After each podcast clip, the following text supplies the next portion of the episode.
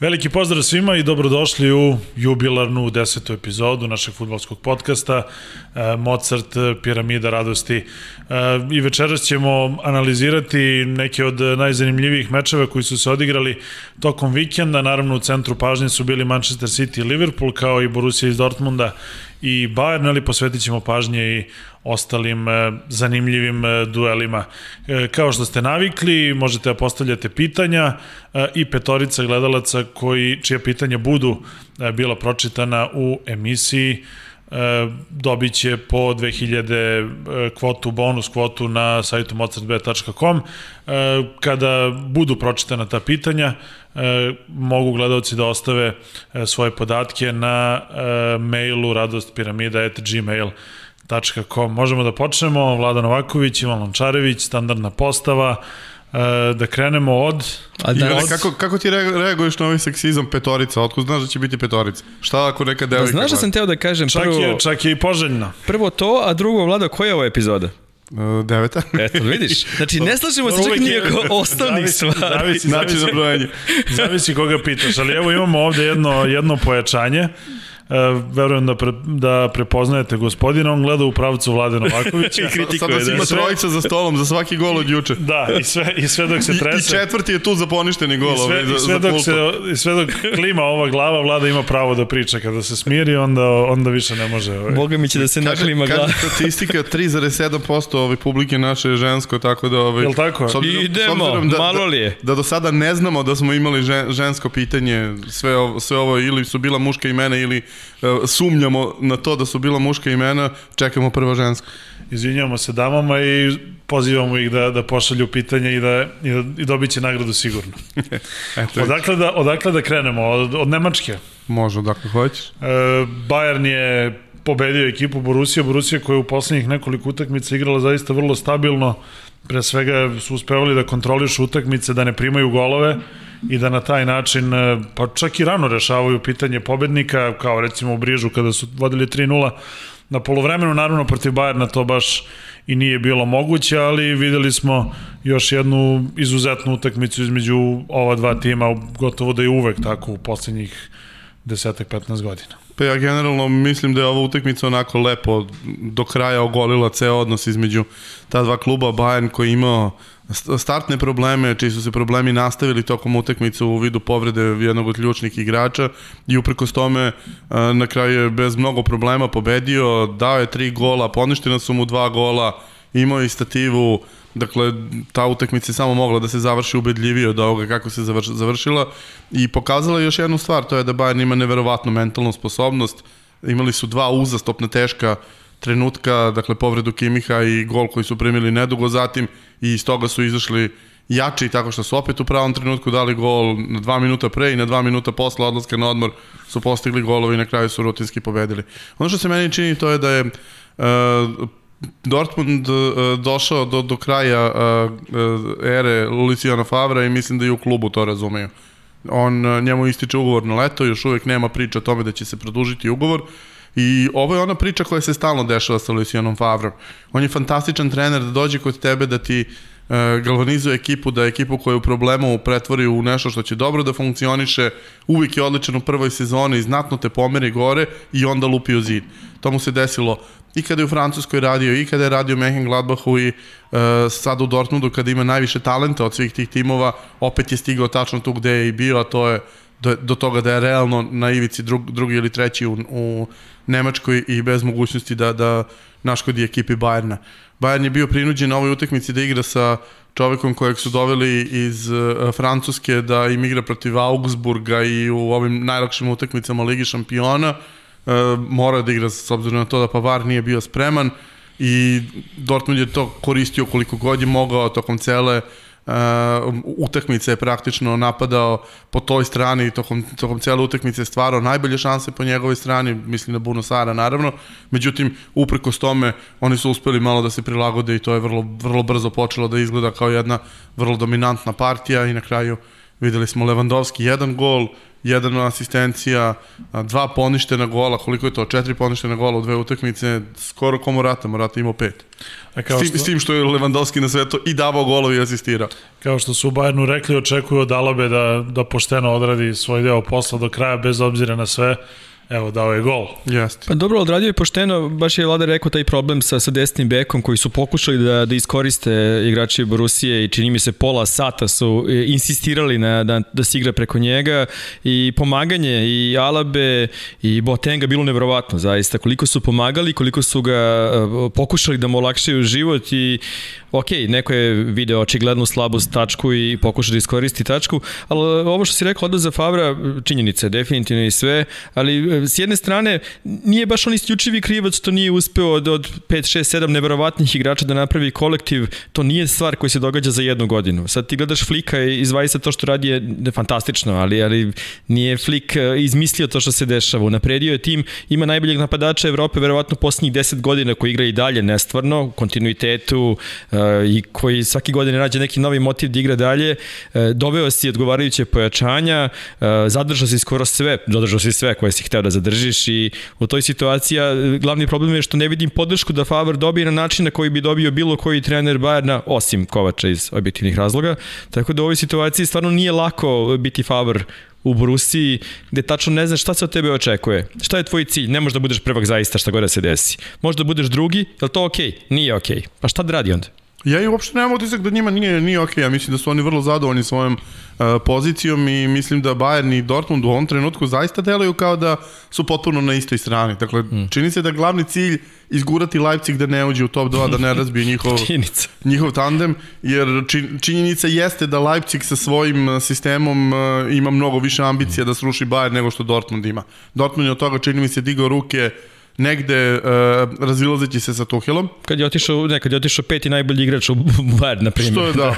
Pa to, to je bio proces mm. spoznavanja realnosti. Oni su imali dve titule, ušli u, u, u, ligu šampi, u finale Ligi šampiona i ako se sećaš, veče pre revanša polufinala Ligi šampiona sa da, da, da. da Gece odlazi i tog trenutka kreće rušenje mm. Dortmunda. Trebalo im je nekoliko godina da, da prihvate gde su i kada su prihvatili, mislim da su sada potpuno tu gde jesu, oni su klub koji je napravljen sada da bude uh, mašinerija za stvaranje novca, dakle ono što su klubovi uglavnom ovde po siromašnim zemljama istočne Evrope samo za, za one najbogatije. Za viši nivo. Baš, baš najviši Naj, nivo. Najskuplji dakle, izlog na svetu. Tako je, dakle uzmeš klinca od 18, prodaš ga sa 21, uzmeš ogromne pare od toga i ajmo dalje. Bila je ona jedna situacija kada su u istom prelaznom roku od tipa 10 najtalentovanijih igrača Evrope na tržištu tog leta kupili četvoricu, dvojica od njih na kraju nisu dobili nikakvu šansu i otišli su odmah, ali su na drugoj dvojici napravili 200 miliona. Tako da, mislim da je Dortmund vrlo zadovoljan svojom pozicijom. E sad, šta to znači za Bundesligu? Bundesliga je, što se tiče titule, potpuno nezanimljiva. Svi znamo da će Bayern uzimati titulu iz godine u godinu, ne samo kada izgleda dobro kao u ovoj sezoni, nego i u sezonama sa Kovačem i sa bilo kim. Međutim, e, Bundesliga svoju zabavnost vuče iz one druge strane, a to je što se non stop nešto dešava, što se igra jako uh, sa, sa visokim tempom, što ima mnogo prilika i zbog toga je super zabavno uvijek i lepo gledati. Imali smo eto prilike u istom vikendu da vidimo duel dve najjače ekipe u Engleskoj i dve najjače ekipe u Nemačkoj. Nemački duel je bio super zabavan, engleski duel je bio zašto smo mi proveli 90 minuta u zonu. Onaj drugi 45 minuta je možda i najgore poluvreme premijer lige kompletno od kada su se nije, vratili. Nije, Ali vratit ćemo nije. se Možda na to. to ima da. gorih, ima zaista. Dobro. E, Nemcima smo poslavetili dovoljno pažnje, mada je i bilo veoma zabavno i u Leverkusenu, gde, gde je Leverkusen uspeo da dobio Mönchengladbach rezultatom 4-3, ajde dve rečenice o tome, s obzirom da je Menš 3-4 dana ranije dao šest golova u, Ukrajini. Ispucali su sve golove koji su imali. Da, Bundesliga će biti super zabavna zbog toga što ispod tog uh, nivoa, to smo čini mi se i prošle nedelje pričali, dakle imaš prvog, imaš zakucanog drugog i trećeg, ispod toga je zaista sve moguće, neki od kandidata za vrh su uvek na početku u problemu, evo vidimo Hoffenheim koji se šeta kroz Ligu Evrope, se nalazi sad jako blizu, uh, isp, odnosno zone opasnosti, ali zato uh, uh, veliki broj klubova tamo gore može uvek svako svakog da pobedi i onda je to uvek jako lepo. Tako da, na, mislim, Bundesliga je super zabavna, ali samo mora da se uh, spozna odmah da to nije top kvalitet, već da top kvalitet Nemci moraju da počnu da prikazuju u Evropi. Ali je top zabava. Apsolutno. Evo i Wenger, Wenger odobrava. E, prelazimo u Španiju, e, konkretno u Valenciju. E, Tako, baš, mora. Konkretno, konkretno tri penala za Valenciju protiv Reala, to je vjerojatno najveća futbalska vez koja može da se desi. I pobjeda od, od 4-1, kaže Zidan da je isključivo on kriv, da je preuzeo u potpunosti odgovornost, ali zaista neverovatan rezultat, posebno ako imamo u vidu da Valencija ne da nije igrala dobro prve utakmice, nego je bila jedna od ekipa u najlošoj formi u čitavoj ligi. Pa nije mnogo bolje odigrala ni ovu utakmicu, ali opet u toj rotaciji koju Zidan, Zidan mora da pravi, dešavaju se stvari da, da, da se loše Kratka klupa. poslože karte. Uh, ok, VAR je kad tad mora da donese neku pravdu onima koji mrze Reala, tih ima baš koliko ima oni koji ga i vole, zar ne? Tako da u ovoj situaciji nekoliko stvari je fascinantno. Jedan suludi autogol koji je dao Varan, zaista ne mogu da objasnim šta se desilo. Nivo ono Augenthaler kada je dao sam sebi gol, nema logike nikakve šta se desilo. Onda napucana lopta u, u ruku u 16 metara, živo me zanima da je ova utakmica bila u Engleskoj, šta bi ono sve bio penal od toga što je svirano. Mislim da sudija nijednom nije pogrešio pogrešio. Ako mene neko pita, ne pita me. Evo, što ja, se, evo ja sam te pitao. Što se tiče Reala, divan gol je dao Benzema i povredio se. Čekaju se izveštaj koliko će biti van terena. Nekoliko bitnih odluka je doneo Zidan koje se tiču bekova i igra po krilima i nijedan nije uspela. Ok, uspeće neki drugi put. Mislim da smo već rekli nekoliko puta tokom, tokom ovaj, piramide radosti u prethodnim nedeljama da će biti poraza i Reala i Barse do kraja sezone puno. Baš puno i ove u skladu sa tim. Posle svake lige šampiona biće problema, on mora da rotira igrače. Sad nemaš ni pojma ko će da igra za reprezentaciju s obzirom da neki gradovi su zatvoreni za putovanja i u toj situaciji Šver, ništa... Tako zvano švercovanje igrača. Ništa ne znam šta će da bude. Valencija je odigrala utakmicu i igraće tako tako uvek protiv timova koji su za klasu bolji od njih, igraće strašno motivisano i pokušati da na motiv nešto urade. Mali bivši igrač Arsenala je mogu da se proslavi uz malo sreće, ovaj, da VAR nije bio protiv njega i, i u raznim drugim situacijama i ti neki od klinaca koji su došli zaista su napravili razliku na duže staze šta će biti sa Valencijom samo apsolutno niko ne zna zaista. Oni mogu da pobede velike timove i da izgube bez probleme od Granade ako bude imala Granada bar 10 igrača ovaj, sa pet razlike, tako da je jedan čudan meč u kojem je VAR pobedio, ali bez grešaka. Da li je posle ovog vikenda Atletico postao bar ravnopravan kandidat za osvajanje šampionske titule sa ekipom e, pre svega Real Madrida, s obzirom da e, Joao Felix je počeo da igra u skladu sa svojim e, talentom, Llorente igra već drugu sezonu kao praktično predvodnik ekipe na, na sredini terena i Atletico deluje jako, jako ozbiljno i što je paradoksalno ima širi igrački kadar i od Barcelone i od Reala. To je e, najbolja... I pobedili su jedan Kadiz 4-0. Moćni Kadiz. E, pa dobro je, dobro je skenirano stanje. Nije što je, što je Joao Felix počeo bolje da igra, nego što je najzad uspeo da objasni ostalim igračima da je on taj da je on taj koji, ih, koji će ih odvesti na viši nivo. E, dolazak Luisa Soreza zaista velika stvar za samopouzdanje, velika stvar, uzeo si igrača Barceloni, mogu da ode bilo gde i to je super, ali moraš da imaš neko ko pravi razliku, neko ko će biti taj, taj koji čini čuda i, i kao što to ima i Real Sociedad koji je taj sada favorit iz, iz trećeg plana, neočekivano i Ojarzabal to jeste za svoju ekipu, on je kapiten, on je zaista jedan čudesan igrač, ali Žao Felix je najzad počeo da im objašnjava, imajte poverenja, bit ću zdrav, igraće kontinuitet kvalitetu i samim tim i ostalo funkcioniše i dalje nedostaje učinak uh, ključnih španskih igrača po meni uh, Saula i Kokija da bude na nivou ostalog, ali zato Felix vuče sve sa sobom, igra Korea odlično, igraju svi odlično Llorente uh, u ovom trenutku verovatno najbolji igrač tima i imaš najbolje golmana u Evropi u toj situaciji stvarno. Uh, treba da svedeš uh, greške u odbrani ako možeš na minimum, ako možeš jednu, ako napraviš dve, onda imaš probleme kao i obično, tako da onako dobri dani za, za Atletico Madrid i dobra sezona, čini mi se, u borbi za titulu. E sad ono što je veoma važno, i Real i Barcelona su pokazali u dosadašnjem delu sezone da će ostavljati bodove protiv manjih timova. Atletico za sada to ne radi, dakle uglavnom, uglavnom osvajaju bodove na onim utakmicama gde se očekuje da ih osvoje u ovim novim nekim futbalskim tendencijama gde je sve mnogo više izjednačeno, Atletico se jako dobro snalazi da u kontinuitetu osvoja bodove i tamo gde igra dobro i tamo gde ne igra dobro. Pa ono što si rekao za, za dubinu, zaista je neverovatno kakav je tim napravio. Oni I, imaju 20 plus igrača gde, gde mislim može da tu ni da... on nije očekivao da će ostati Diego Costa, zaista toliko očekivao, on je već otišao bio, već se pozdravio, bio da. i otišao i sve. E, vratio si Karaska još krajem prošle sezone, otkupio si njegov ugovor, e, zaista si stvorio dva tima. Znači jedino što na kojem mestu nema odgovarajuću zamenu, ali dobro, ni nemoguće, to je na poziciji golmana i računaš da se neće desiti tako nešto. Uh, I ok, uzot je Bayern igrača koji je bio stvaran da bude ključni igrač odbrane, tu ne možeš da se odbraniš zaista, ali sve ostale uradio majstorski i, i postavio tim, čini mi se, za sledeće tri godine da samo može da napreduje.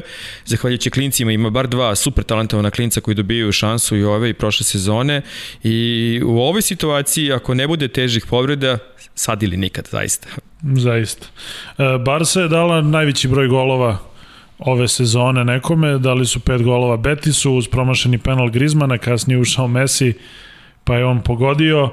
5-2 uz e, i crveni karton za goste, za Barsu zaista stvarno turbulentan period i mnogo finansijskih problema, najavljeno je smanjenje plata igračima. Drugo smanjenje plata. Da, dakle svašta se dešava na Camp Nou, promena i rukovodstva i biće svega još do kraja ove sezone i ne mogu igrači baš do kraja da budu fokusirani samo na futbal. Ovo što radi Barcelona čini mi se da je preko očekivanja u ovoj situaciji. I povrlo svega se povredio mali Fati. I to kako stvari stoje do kraja januara neće biti da. spreman da, da igra. Ok, ali Dembele je igrao, dao je divan gol, uh, nije igrao Messi prvo polovreme, potez koji je rešio utekmicu njegov lažnja kada je poslao trojicu na ono drugo mesto, ne tamo gde je gol i omogućio da, da čak i Griezmann postigne gol. Promašio je ko nas trojica, a Vlada ja bez naočara, to je promašio Griezmann u prvom polovremenu, ne računajući penal, zaista jedan, jedan težak dan.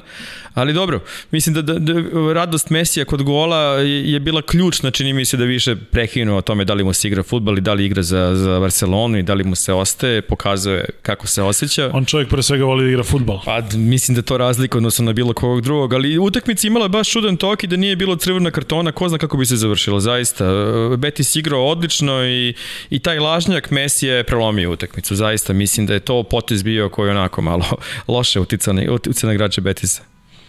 E, kratko do Italije, Atalanta... Nećemo Villarreal. Pa dobro, mislim ljudi su Dobro, ja, eto možemo zaista da pomenemo u neverovatnoj su formi ili, ili fantastično. Ili imate ovaj problem s tim što je Una i prvi na tabeli, jel? Ne, apsolutno, ne, neki je živi i zdrav. Bio, bio je sjajan komentar, ovaj, šta je gore za Arsenalove navijače, što je Mourinho u tom trenutku popeo Spurs na čelo tabele ili što je Villarreal sa Unajem prvi u La Ligi. Ja volim A ovih 0-3 nema veze. volim i Tottenham, volim pre, i, i Villarreal. Uh, rezultat koji je ostvario do sada uh, Villarreal je odličan. Misliš da ti tri I, gola Hetafe u gostima? igra, igra i dalje nije. Uh, ono što je kod Emerija bilo glavni problem u Arsenalu to je što je apsolutno bio bez plana. Nešto kao Ole. Znači svaki put je bila i druga taktika i druga formacija, drugi igrači, jednostavno izludio i samog sebe i igrače. Ovde je dosta veran tome što, što želi i gura uz manje poteškoće. Uh, razigrao se Alcacer i, i sada postižu mnogo lakše golove uz Morena koji je konstantno najbolji igrač tima. Napreduje cela ekipa i najveći uspeh je dati tri gola Getafe u gostima. Mada oni su jedna od neefikasnijih ekipa od ovih iz vrha. Zato i kažem Paco Alcacer je taj, taj, taj razlika odnosno na sve ostale mečeve. E, prvi gol je dao velemajstarski stvarno i u toj situaciji baš su se raspucali, promašio je svoje šanse Hetafe, ali dobro, Hetafe s tim što je igra, kada će naići neko koji će pogoditi sve što napravi. Svaka čast, mislim, za Emerije i za plasman u ovom trenutku. U Italiji dve, da kažemo, utakmice u centru pažnje, Atalanta, Inter, Inter u prilično lošoj formi, imaju jednu pobedu, ako se ne na poslednjih 7-8 utakmica, ne funkcioniše to kako treba, ne, do duše sada nema u poslednje vreme Romelu Lukaku, a odigrali su 1-1 sa Atalantom, i Lazio Juventus Lazio je izvukao bod u poslednjoj sekundi. I dodaj tu Milan Verona 2-2, što je možda čak i da. naj, naj uh, interesantnija utakmica zbog toga što je Milanu uh, napravila problem s obzirom da sada izgleda kao da ta ekipa uh, bi mogla da krene onako uh, nizbrdo. Pa sve tri utakmice su bile interesantne svaka sa svoje strane i Atalanta i Inter imaju velike probleme i u Evropi.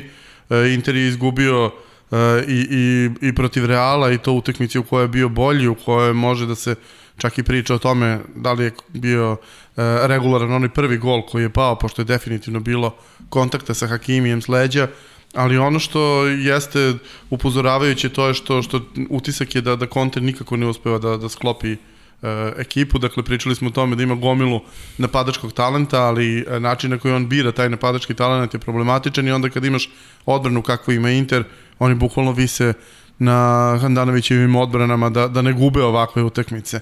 Druga utakmica koju si pomenuo je ta između Juve i Glacije i još jedna utakmica koja podlači tre, problem sa trenerom je sad Conte nije loš trener, samo nije elitni trener. Uh, Pirlo... Već vidim pljuvanje koje će nastupiti. Pirlo, jadan, jadan Andreja, jadan Andreja. Pirlo mi, se, se, Pirlo mi se čini kao da, da nije ni, ni, ni, ni dobar trener. Ne, ne, ne, ne odličan, nego baš kao da, da nije ni dobar. Ole.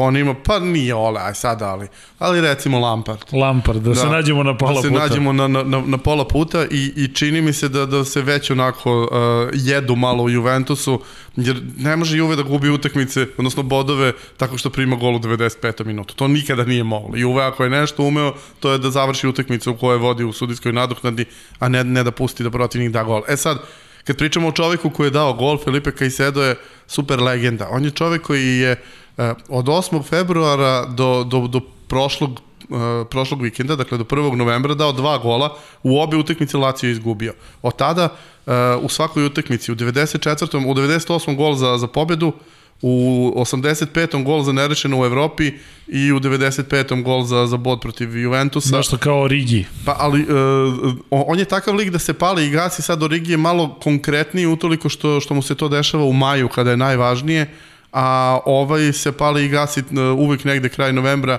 početak de decembra prošle godine uh, krenuo u seriju negde 24. novembra, ako se dobro sećam, i onda imao 7 golova za mesec i po bukvalno je eksplodirao, dotle nije dobio ni šansu, niti bilo šta i to je pokazatelj da čovek kada igra na poziciji napadača, ukoliko se pomiri sa tim da je e, rezerva, a ukoliko se pomiri sa tim da će biti što bi se reklo impact player, dakle da je njegov zadatak da uđe u nekom trenutku i da promeni tok utekmice, može da eksplodira. On je godinu i po dana imao problema sa, sa čitavim uh, okolnostima u kojima se nalazio zbog toga što je Čiro Immobile bio toliko superioran, jer je Čiro zaista igrao fantastičan futbol i davao gomilu golova, da je njegova minutaža bila jako mala, jer bi se onda ti morao prilagođavati tome što je on na terenu.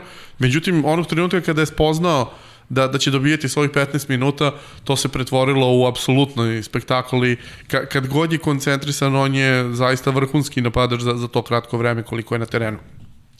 Vratimo se na, na, na Milan. E, Verona ih je razbila u, u, u prvom polovremenu, pa čak i duže od prvog polovremena. E, nesrećno su dali autogol i otvorili ih nazad. E, I onda je jeli, faktor Ibra se pojavio i uspeo da reši na kraju da donese bod Milanu. Međutim, Ibra je promašio penal i to je, čini mi se, bio light motiv ovoga vikenda, tri neverovatno promašena penala. I Čak to... je rekao da neće da šutira, da će da Kesio da šutira Tako penale. Dakle, dakle, tri, tri vrlo nekvalitetno izvedena penala, ne, nešto nisu bili golovi. ja mu ne verujem, da se da. razumemo. Ili il bi ti dao Kesio da izvedi penale? Pa ne, nego jednostavno Ibra ne, ne, ne daje. Dobro, Ibra će davati dovoljno Ma, golova, to nije problem, ovaj, tako, tako da će izvlačiti to, ali ja zaista mislim da, da za Milan uh, sledi to a, prilagođavanje realnosti, oni su fantastično krenuli, međutim nisu oni taj tim koji je najbolji u ligi i koliko god da im je trener dobar, koliko god da im je hemija dobra, koliko god da je Ibra super heroj i to ima granice, ali ono što je sigurno je da će serija A biti najzabavnija godinama unazad. Da, pošto smo pomenuli Emerija, Jer nije, nije bila da pomenemo, zabavna, da pomenemo i Mihtarijana koji je, koji je dao hat-trick. Kome smeta Jermenski Savićević, znači zaista nije, nije lepo. Cela ta ekipa igra zaista spektakularno, Roma igra fenomenalno, ljudi kad pogledaju tabelu možda e, im se e, pričini da, da, da Romi možda ne ide toliko dobro koliko im ide, jer ne zaboravite da Roma nije izgubila utakmicu protiv Verone na terenu, već administrativno, tako da treba im uh, pridodati još, ne, ne bi imali ni jedan poraz. Pa bili, imali, bi, imali bi isti broj bodova kao i lider tako, na tabeli. Tako da, da, da s te strane ove, Roma zaista tim koji igra ove sezone jako dobro, ali kao što rekoh, uh, najvažnije za Italiju u ovom trenutku je uh, da je dolazak Andreja Pirla otvorio ligu kompletno, jer u bilo kojoj drugoj okolnosti sa bilo kojim iskusnim trenerom očekivao bih u ovom trenutku Juventusovu titulu vrlo brzo. Znamo da je Juve navikao da daje timovima po mesec, dva, tri fore, pa tek onda da počne igre futbol. Imali su oni jednu godinu kad prvih mesec i po dana nisu mogli nikog da pobede i opet su osvojili titulu u martu. Dobro, prelazimo u Englesku, e, prelazimo na taj... Na penal. Da, najzanimljiviji duel e, na papiru ovog kola, Man, između Manchester City-a i Liverpoola. Videli smo naravno još jedan okršaj Pepa Guardiola i Irgena Klopa.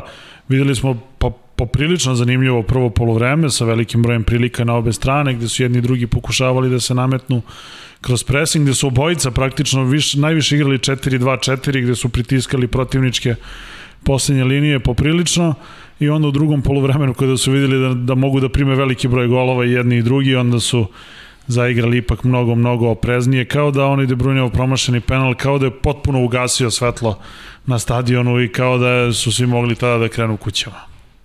Dobro, ali ovo je početak sezone. Mi, meni se čini da je logična odluka bila da, da ipak kao preznije kreneš protiv toga. Sada, da li je odluka zbog toga što su videli da će primiti više golova i zbog toga što su videli da je počeli da padaju kao tim jedni i drugi, što se tiče trčanja, sad ostaje, ostaje pitanje, ali mislim su zadovoljni jedni i drugi. Ili da bukvalno padaju kao trend kada je, da, je osetio list. Ne, sad, sada, su... sada ne mislim na njegovu grešku, sad mislim na povredu. Mislim da povrede koje će se dešavati posle ove, ove, ovog perioda reprezentacije će biti još gore. Znači, decembar će biti pakao, zaista. Ko će da igra Boxing Day i oko nove godine, mislim da svi imaju šansu, zaista. Dobro, sada je svaki period godine Boxing Day. E, sada e, je kako, sve... kako za koga? Pazi, jeste svaki period godine Boxing Day za ovih šest i to je u, u srži on, one priče koji su pokrenuli Pepi Klop posle ovoga. Za pet izmena. Za, za pet izmena, jer uh, ovo je trenutak kada mali klubovi E, maltretiraju velike klubove rečenicom pa vaš je problem što igrate Evropu, mi ne igramo Evropu, pa pitaću male klubove kad bude došao decembar pa budu krenuli u dva meseca gde će svi imati nešto tako, a veliki klubovi će bar imati nekakvu rotaciju, a kako će rotaciju imati taj West Brom koji će da glasa protiv toga. Mislim da ćeš on daješ izvesti, da moj, izvesti pet puta za redom opet isto postavu. Vi, videli ste da, da je moj javno uh, rekao da je promenio stav, da je na početku bio protiv pet izjava, izmena, da je sada za. Uh, mnogi to tumače činjenicom da se Antonio povredio pa je shvatio da je vrag odnao šalu, ali zaista jeste ne. Ali desio si njemu promene da bi to rekao. Jel sećaš se kad je to rekao, imao je 10 igrača koji su odlazili. Tako Neki je. su već dogovorili odlazak, malte ne, onda se sve preokrenulo i svi su tu. Niko tako nije je. otišao, tako da njemu sad to odgovara. E i sad, sad imamo situaciju da, da eto, u istom vikendu za, za 24 sata Kimih se povredio ozbiljno, Uh, Fati. Fati se povredio ozbiljno i vidjet ćemo koliko je ozbiljno, mada meni se čini na osnovu ovoga što sam video da se Trentu dogodilo, meni se ta povreda dogodila tri puta u poslednje dve godine u vrlo kratkom roku, morao sam da promenim iskreno zbog toga, mesec dana svaki put, tako da eto, takmičimo se Trent i ja. Mi smo stvarno postali A? i medicinski angažovani. Vi? Zapiši to negde tamo. Ja sam mislim, na, na, koliko sam učio posle toga, zato što kad ti dva put pukne... Pa javi se e, Trentu, čovječ. Mišić jedne i sa druge strane, ovaj, moraš da, da počneš malo da pratiš šta je problem. A debel da, sam bio i pre toga. Šta da, jede, da jedeš ribu, šta? Pa ima ali iskrena kompletna.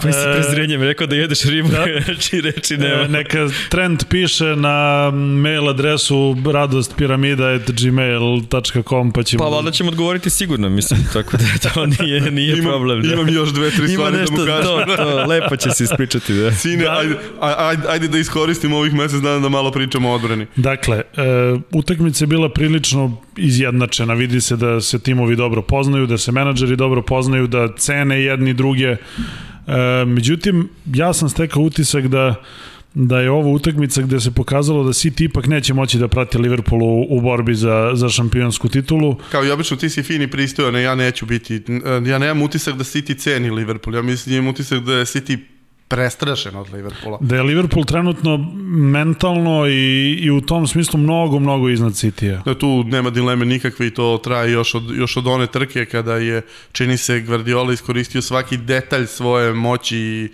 mođo i, i, ko, i, kompanija, i kompanija sa 30 da, metara. Da dođe do, do titule i tu videli smo da, da Klopp je posle toga sa svojim igračima nastavio u istom ritmu, ovaj nije. Liverpool ove godine ne igra u istom ritmu, kad kažem godine, ne mislim ove sezone, nego ni, ni u januaru nisu izgledali dobro u 2020. ali su izgledali dobro na tabeli zato što uspevaju da uzimaju bodove kad ne igraju dobro. City to recimo ne ume. I sa, sada imamo situaciju da uh, kada, kada izlazi jedni uh, drugima na, na Megdan, Uh, City delo je zaista prestrašeno protiv Liverpoola i to nije prvi put, to se mnogo puta desilo u prethodnim mečima, čak i kada su ih pobeđivali kod kuće, videlo se da imaju problem mentalni sa njima i uh, videli smo kako je počela utakmica juče. Dakle, serija paničnih reakcija, serija prilika za Liverpool u prvih 10 minuta, Liverpool praktično sve što je uradio na utakmici ofanzivni uradio do penala, a penal je bio u 13. ili tako? Tako nešto. Ali dotle su već, U 13. mogli da, minutu, dotle da. su već mogli da im daju 3-4 komada.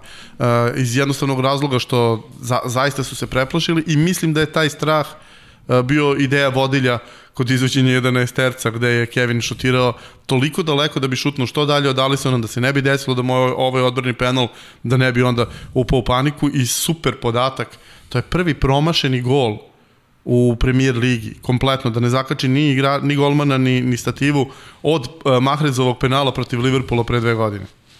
Znači, dve postoji godine šablon. Niko, niko, nikome nije promašio od kad je City protiv Liverpoola. Dobro, zaista je veliki problem, posebno kada šutneš pored gola. Ajde, preko gola može da bude klizav teren pa da ideš pod Ili loptu. da si zapeo jednostavno ili malo da jače, da. To se Po- pošto- dešava. pošto postoji, ali, ali e, pored gola podrazumeva se da si ti gađao, dakle da nisi se uzdao u snagu, već u preciznost, promašio si gol i to za metar. Pazi, nije, nije pitanje ni samo snage, nego postoji vrlo jasna teorija kod izvođenja 11 terca. Gol je podeljen i već smo pričali mnogo tog, puta o tome još od svetskog prvenstva kada su penali u, u žiži e, interesovanja. E, gol je e, podeljen na, na, na zone po procentu koliko često lopta ulazi u mrežu kada šutneš tu. I cela, recimo, zona metar od prečke na dole je zona koja je 99 ili 100%. To ako pogodiš, to je gol. Dakle, 99 ili 100% je gol. A, a dole može da bude, ima pozicija koje su čak i samo 40% i to su one gde se golman baca u stranu ovaj, koja je logična strana jačega. Dakle, ako si dešnjak, ti šutiraš u svoju levu stranu i tu po sredini, ako pogodiš po sredini te polovine, tu je najmanje verovatnoće. U svakom slučaju, dakle, ti često zapneš gore da bi gađao taj najsigurniji deo, pa se Jer desi da je samo od sebe. Tako je. A u ovoj situaciji gde, gde je neko pokušavao da plasira u, u stranu, to pokazuje da, da ima mentalni problem zbog toga što kada toliko a, promašiš, to znači da si u posljednjem trenutku cimno jer si, jer si se preplašio nečega. I to je samo još jedan argument, ali, ali to je tek peti argument u istoj priči, jer je cijela utakmica City izgledala kao da se boje protivnika, oni su realno imali više šansi, oni su i pre i posle gola mogli da daju svog gola, mogli da, da daju još golova, Ali nisu. ali nisu i ne samo da nisu, nego su u jednom trenutku samo prestali da se trude. A svi znamo na ulasku u utakmicu Liverpool je u dobroj poziciji, City nije u dobroj poziciji, ok, imaju meč manje, ali i sa tim mečom manje oni imaju, i ako ga dobiju, dva boda manje od Liverpoola, dakle ovo je bio trenutak kada su morali da napadnu, oni su bili u obavezi da napadnu, Liverpool je samo jednostavno održao ono što njima odgovara, da su dali gol u finišu, super, ali njima ovakav odnos snaga odgovara. Činjenica jeste da je liga uravnotežena kao nikada, e, šta su rekli, od negde 78. čini mi se nije bila ovako mala razlika, međutim, odnosno bila je jednom posle 78. e, i, i to tad je takođe Leicester bio prvi na tabeli 2000, 2000, u jesen 2000. Međutim, ono što što jeste činjenica to je da Liverpoolu to više nego odgovara jer je Liverpool ekipa koja će u jednom trenutku krenuti da pobeđuje u, u, u nizu, koja vidimo da je uspela da se prilagodi na to da nema Van Dajka, koja je u ovoj utakmici igrala i bez Fabinja i bez još nekoliko bitnih igrača i to im nije smetalo. E, Pre nego što se Van Dijk povredio, Liverpool je primao izuzetno veliki broj golova. E, sada, ovo što je vlada pomenuo, to prilagođavanje, očigledno ekipa sposobna da, da se da, i spremna na sve. E, na šest utakmica od povrede Van Dijka primili su samo četiri gola, zabeležili pet pobjeda i ovu su sada odigrali nerešeno, bilo je tu i nekih ubedljivih pobjeda poput ove e, u Bergamu protiv Atalante. Liverpool e, je u ovoj ranoj fazi sezone imao nekoliko velikih iskušenja i može se reći da su u svim tim situacijama pokazali koliko su ozbiljna ekipa i koliko je Klopp, Klopp udario jake temelje. I pričali smo o tome da će reakcije ekipe na povredu glavnog igrača, na povredu najboljeg igrača biti u skladu sa renomeom ekipe i onim šta predstavlja Liverpool u ovom trenutku. Tako da jeste, u isto vreme se dogodi i povratak Hendersona, koji je bitno promenio odnos snaga i, i igru u odbrani i pre svega taj deo Koji kada neko, mnogo, da. kada neko reži na tebe, kada ti zaspiš. Zamisli, na primjer, da se nije povredio, da se nije vratio Henderson, nego se vratio Ox, kako bi to izgledalo. Mislim, ne bi bila neka velika promena. A druga jedna bitna stvar, kogod da se povredi, šta god da se desi, ti znaš da će ući Milner. Ti imaš taj jedan kvalitet, e, bez obzira na godine koji ostali nemaju. Zamisli u vladinom slučaju kad se neko povredi, a ulazi ti, na primjer, Fred ili McTominay. Pa ne Evo, mogu da uđu s stvarno. obzirom da su starteri na svakoj utakmici iz nekog Imam razloga. jednu drugu ideju vezano za, za City. Zamisli da se desio slučaj i da igraju zajedno na sredini terena Fred i Ro, Rodri, kako bi to bilo super. U Unitedu, na primjer.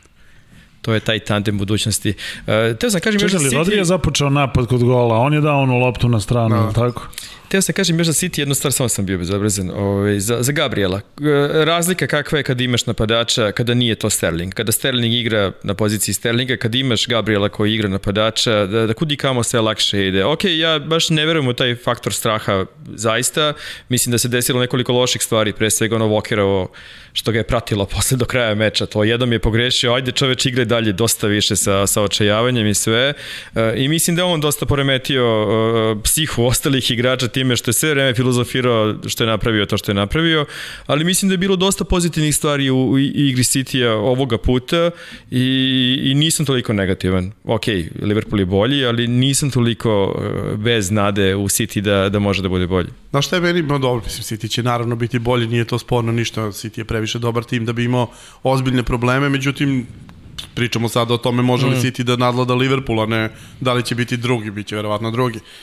Gabriel Jesus gol, reakcije u roku od 3 minuta. E, jedan komentar Edmundo, drugi komentar Romario, treći komentar Bergkamp. Dakle, svako... E, ali ima elemenata svakog od njih pa trojice, da. da. Pa da. Za, mislim, predivan gol zaista. Sa druge Ona strane, završnica je, ne govorimo o... klasičan brazilski gol, da. Klasičan Romario. Gurnem loptu špicem ispod golmana. i, i, i ispravim nogu skroz ovako Da. da. kao strelu, da svaki gol, sva- svaki od njih trojice je bio tu, jasno mi je zašto Berkam, jasno mi je totalno i zašto Edmundo. Sve u svemu jedna jako lepa uh, situacija koju je Gabriel Jesus, uh, kojom je Gabriel Jesus pokazao da, da je neko na koga može da se računa.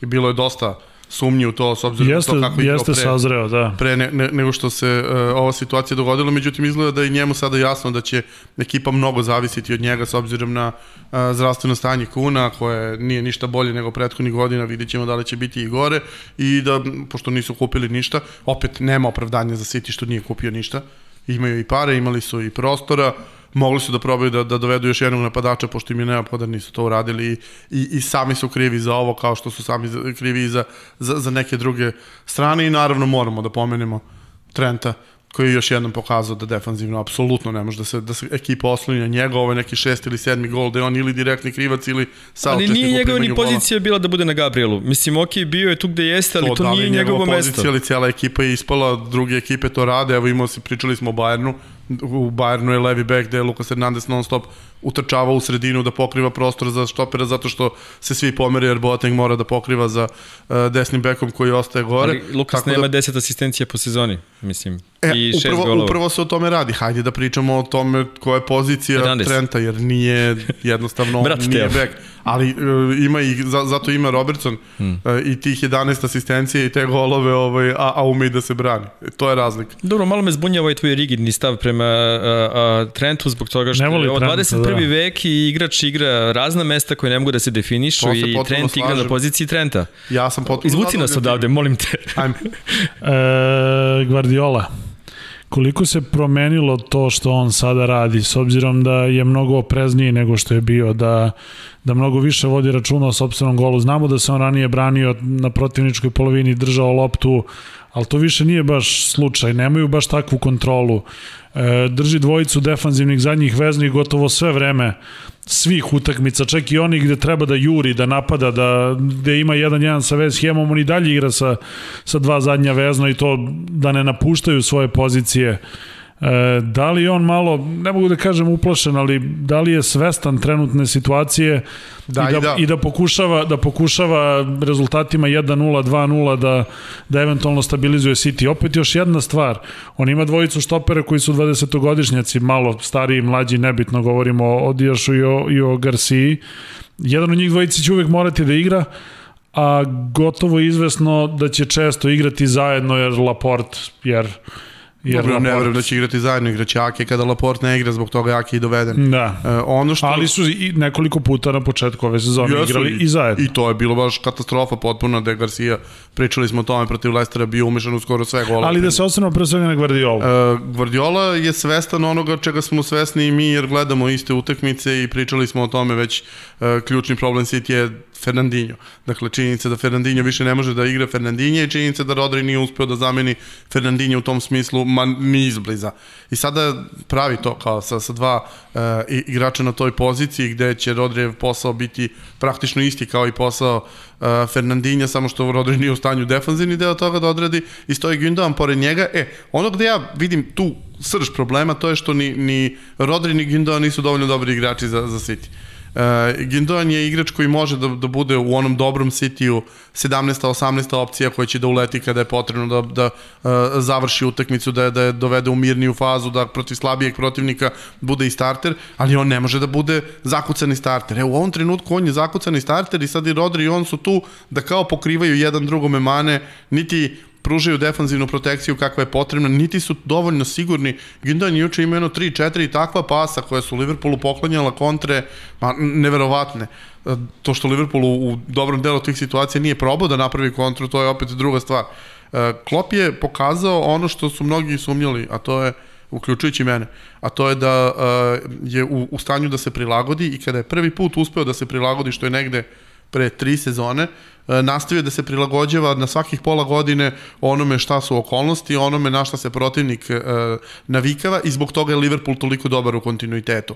Pep je čovek koji sa druge strane se vrlo malo prilagođavao tokom karijere, prilagođavao se kako pređe u koji klub i pokušava da ga e, prilagodi kalupu okolnosti u kojima se nalazi. Ne, nije igrala Barca isto kao Bayern, kao i City, ali u suštini kada dođe u jedan klub e, ima jako velike probleme da, da, da unutar toga da od istog igračkog kadra ili sličnog malo promenjenog e, menja neke jako bitne karakteristike i zbog toga se i muči ovoliko, zbog toga njegova ekipa izgleda neuverljivo jer Liverpool kada dobija tesno ti vidiš da, da, da oni gospodare situacijom. City i kada dobija tesno, vidiš da se muče. City nije pravljen da se muči. City je pravljen da dominira i dokle god je potpuno dominirao, on je mogao da dobija po, po 25 30 utakmica, odnosno 30 utakmica po sezoni i više. Uh, onog trenutka kada ne mogu da dominiraju, automatski i protivnici prestaju da se plaše, a već smo pričali u te dve Guardioline šampionske sezone u Cityu, Fear Factor je bio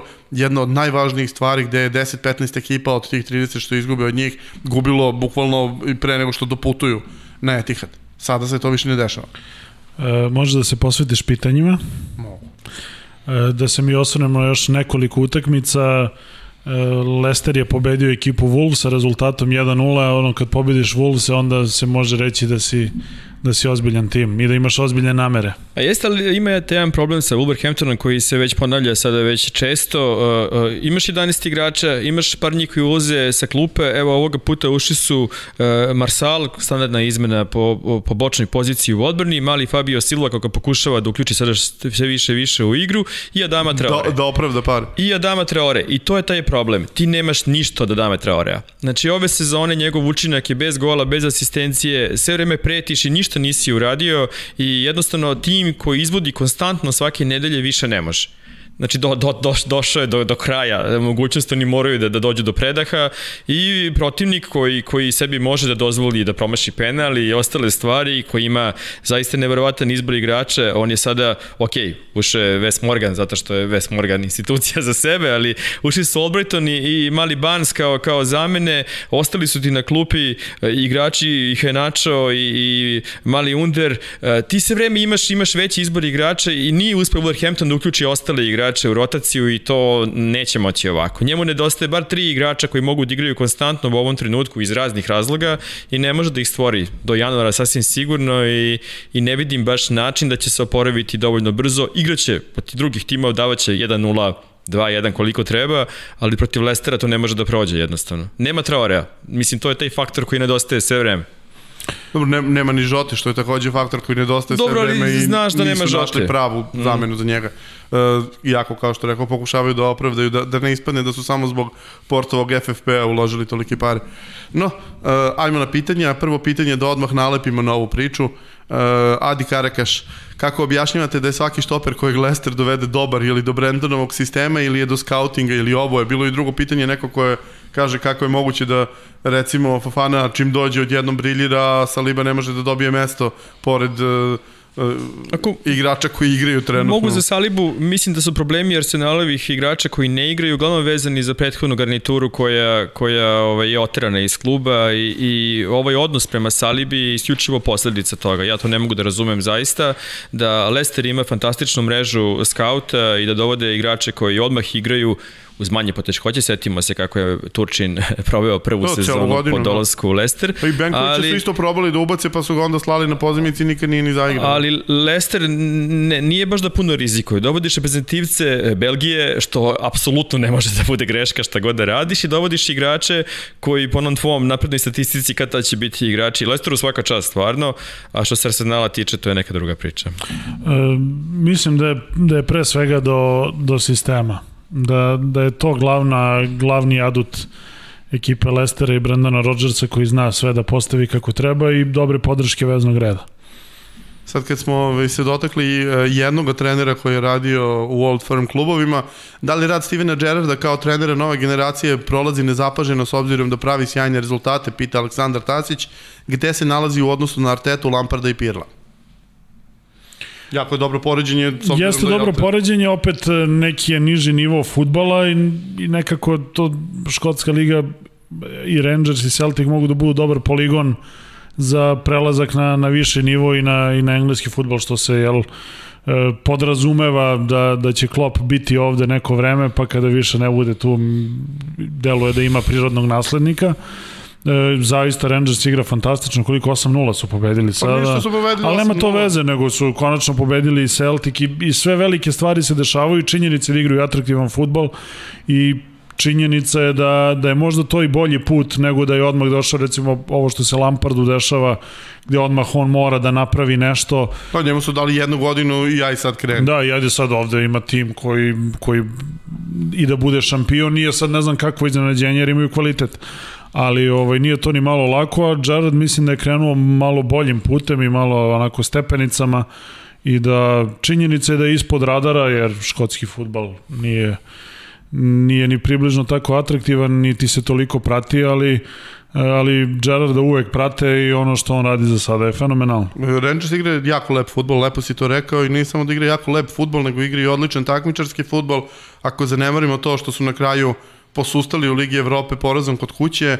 Prošle sezone e, oni imaju jako dug niz utakmica bez poraza, dakle samo jednim porazom u poslednjih, ako se ne vrem, 15 mečeva.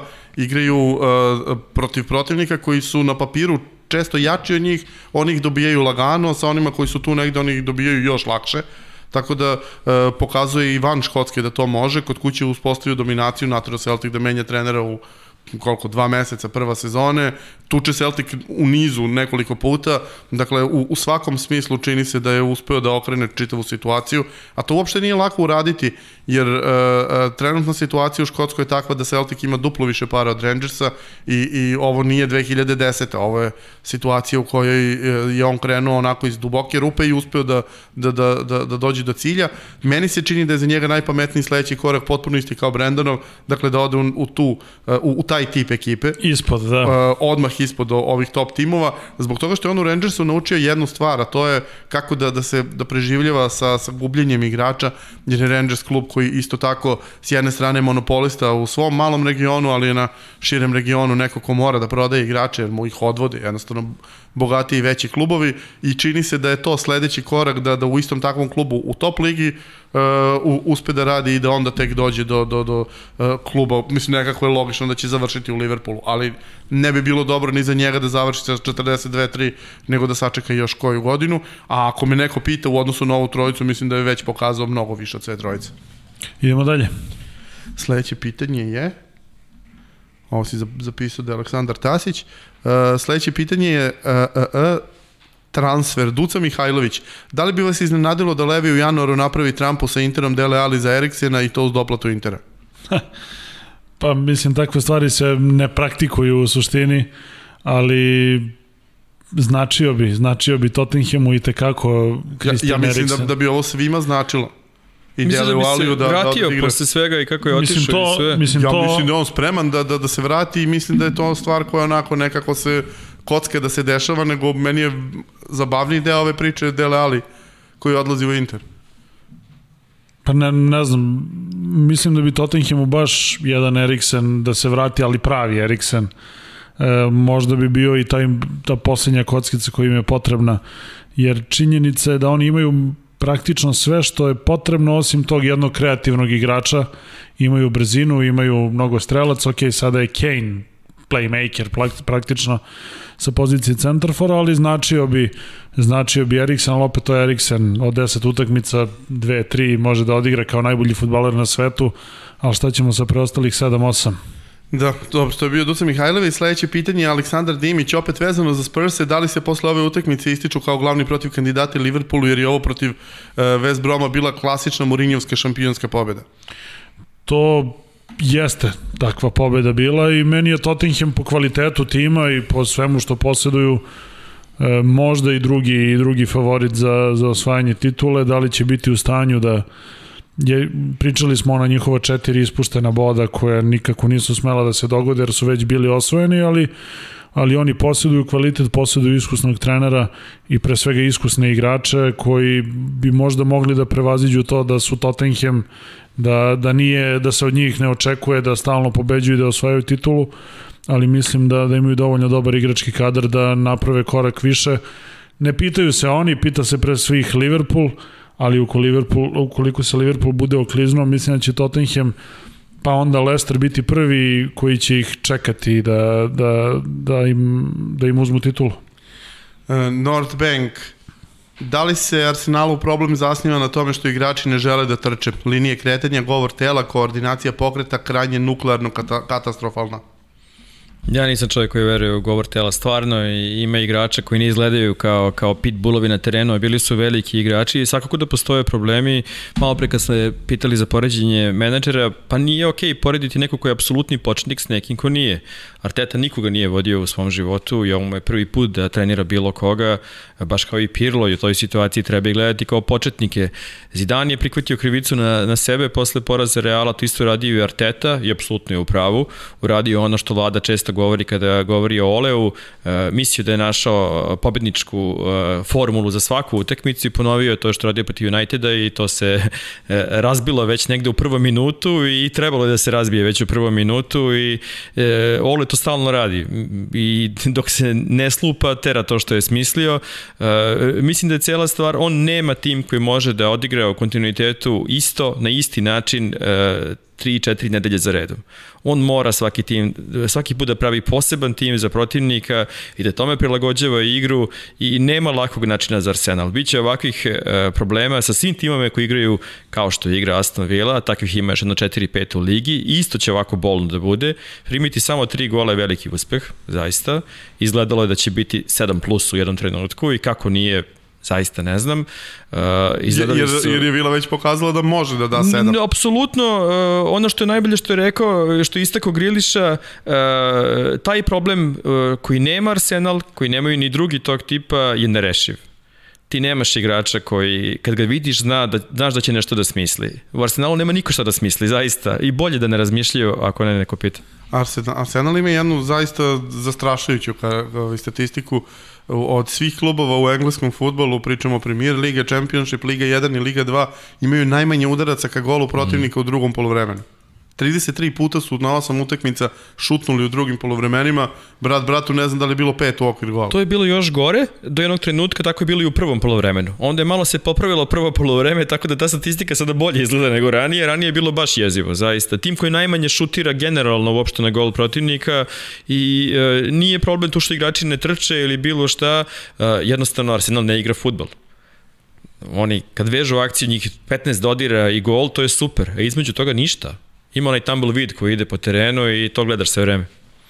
Dobro, bilo je to, bilo je to deseto izdanje e, Mozart Piramide radosti u sredu najavljujemo utakmicu između Srbije i Škotske u četvrtak e, po završetku duela tamo negde oko ponoći e, kada se steknu svi uslovi, jel? Analizirat ćemo tu utakmicu, nadamo se da će Srbija uspeti da obezbedi plasman na da, bi, Biće ponoć na najranije ukoliko ne bude produžetaka dok ja uspem da stignem sa stadiona, da. pošto moram na stadion. Da, tako da budite uz nas, uz naše kanale, e, zahvalnost našim prijateljima iz Mozarta i podsjećanje da gledaoci čija su pitanja išla u ovoj epizodi mogu da ostave svoje podatke, svoje korisničke imena na uh, adresi radostpiramida.gmail. Hoćeš da se hvališ time da smo prebacili jednim videom 30.000 i da imamo preko pola miliona pregleda? Evo, izvoli. Eto ti prilike, dakle, prvi put smo prebacili 30.000 jednim videom i to ovo posle utakmice između Zvezde i Genta, 32.000 otprilike sada, a sada smo već negde na 530.000 pregleda od kada je krenulo, tako da ovo jako lepo ide i hvala i njima, hvala i ljudima koji nas podržavaju u ovome, hvala publici i hvala naravno Mozartu. Da. Je, ko, koji je to prepoznao to, tako da je rešio da ovaj, uloži i u ovaj drugi deo. Da, trudit ćemo se da, da to bude sve još bolje i zanimljivije. Do srede, pozdrav!